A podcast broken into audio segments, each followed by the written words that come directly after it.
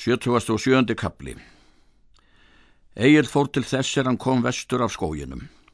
Sóttu þeir til Torfinsar kveldi og fengu þær allgóðar viðtökur. Voru þá bundin sár þeirra Egils. Nokkur að nætur voru þeir þar.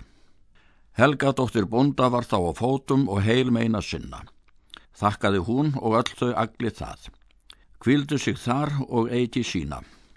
En maður sá er Helgu hafði rúnar ristið var það hann skamt á brott. Kom það þá upp að hann hafi beðið hennar en Þorfinnur vildi eigi gifta hana. Þá vildi Bóndasson glebja hana en hún vildi eigi.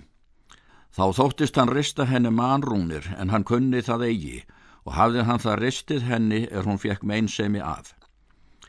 Og er eigil var til brottfarar búin þá fyldi Þorfinnur honum og þeir feðgar á götu voru þeir þá saman tíu eða tólf.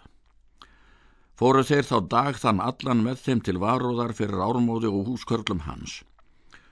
Og er þessi tíðindi spurðust að þeir eigil hafðu barist við ofrefli liðs á skójunum og sigrað þá þótti ármóði eigi von að hann myndi meg að reysa rönd við agli. Saðt ármóður því heima við alla menn sína. Þeir eigil og þorfinnur skiptust gjöfum við að skilnaði og mæltu til við náttu með sér.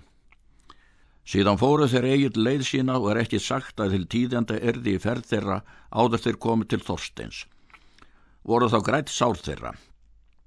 Dvöldust þeir eigin þar til vors. En Þorstein fekk sendimenn til hákunar konungs að færa honum skatt þann er eigin hlæði sótt til Vermalands. Og er þeir koma á konungsfönd þá sögðu þeir honum tíðindi þau er gerst höfði í ferð þeirra eigils og færðu honum skattin.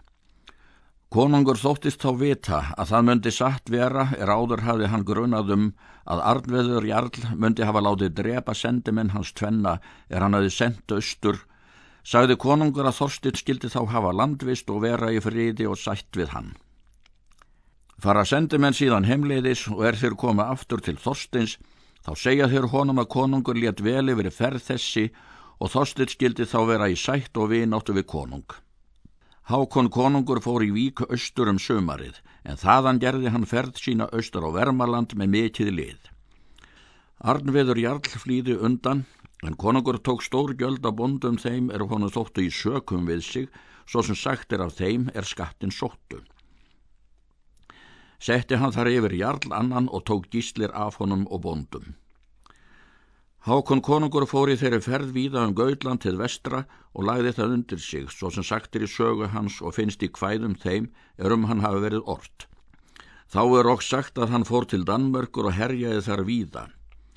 Þá hrauð hann tólf skip af dönum með tveimur skipum og þá gaf hann konungsnafnu tryggva Ólafsinni bróðursinni sínum og valdi yfir víkinni austur.